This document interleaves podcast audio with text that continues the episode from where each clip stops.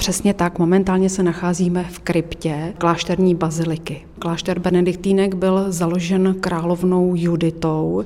Bohužel nevíme přesně kdy, ale je to rozmezí let 1153 až 1167. Celá ta země byla velmi obsáhlá, široká a bylo potřeba ji nějakým způsobem udržovat. A k tomu mimo jiné i sloužilo to, že sem byly přizvány právě benediktínky, jejíž sídlem, hlavním konventem byl svatý Jiří na Pražském hradě. A ty sem právě na pozvání královny Judity přicházejí založit klášter.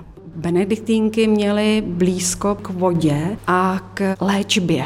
Každopádně to byl záměrně zvolený řád, teplému prameni. Ta voda tady byla velmi využívána. Nebyla to jenom očista těla, ale samozřejmě i očista duše. Hrob ženy, který byl nalezen v té jedné boční kapli, tak podle výsledků bádání pana profesora Vlčka tato žena je spojována právě s královnou Juditou. Teď jsme se s Lucí Kurzovou, vedoucí archeologického oddělení regionálního muzea v Teplicích, přesunuli.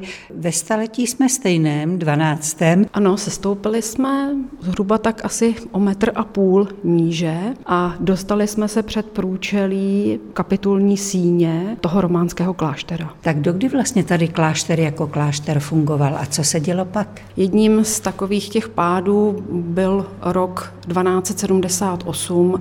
Vojáci, kteří se eh, vraceli z bitvy na Moravském poli, tak klášter vyplenili. Dalším takovým velmi výrazným pádem byly husické války. Nakonec z Řeholnice odešly zpátky do Prahy ke svatému Jiří. Kdybychom se vrátili na povrch, tady je nádherná budova, která sice také neslouží původnímu účelu, ale s tím klášterem souvisí souvisí. Přední část potom tam byl postaven nový zámek. Vzniká v období renesance. V jedné z vitrín je umístěná lepka. Je to replika samozřejmě. Originál je uložen v antropologickém oddělení Národního muzea v Praze. Podle úsudku pana profesora Vlčka žena se dožila věku 75 až 80 let, což je docela úctyhodné. A je to docela taková zajímavost. Lepka má zuby ve velmi velmi dobrém stavu. Součástí prohlídkového okruhu jsou také dva modely teplického kláštera.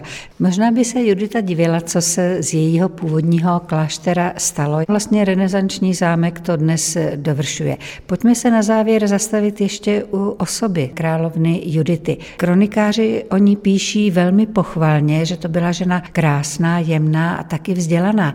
A to v tehdejší době to něco znamenalo. Byla to žena, která určitě dovedla nějak nějakým způsobem vstupovat do politiky. Rozhodně nebyla jenom takovou tou pasivní ženou okrasou za králem, ale dovedla jistě velmi dobře politicky pomoci dostat se tam, kam bylo potřeba.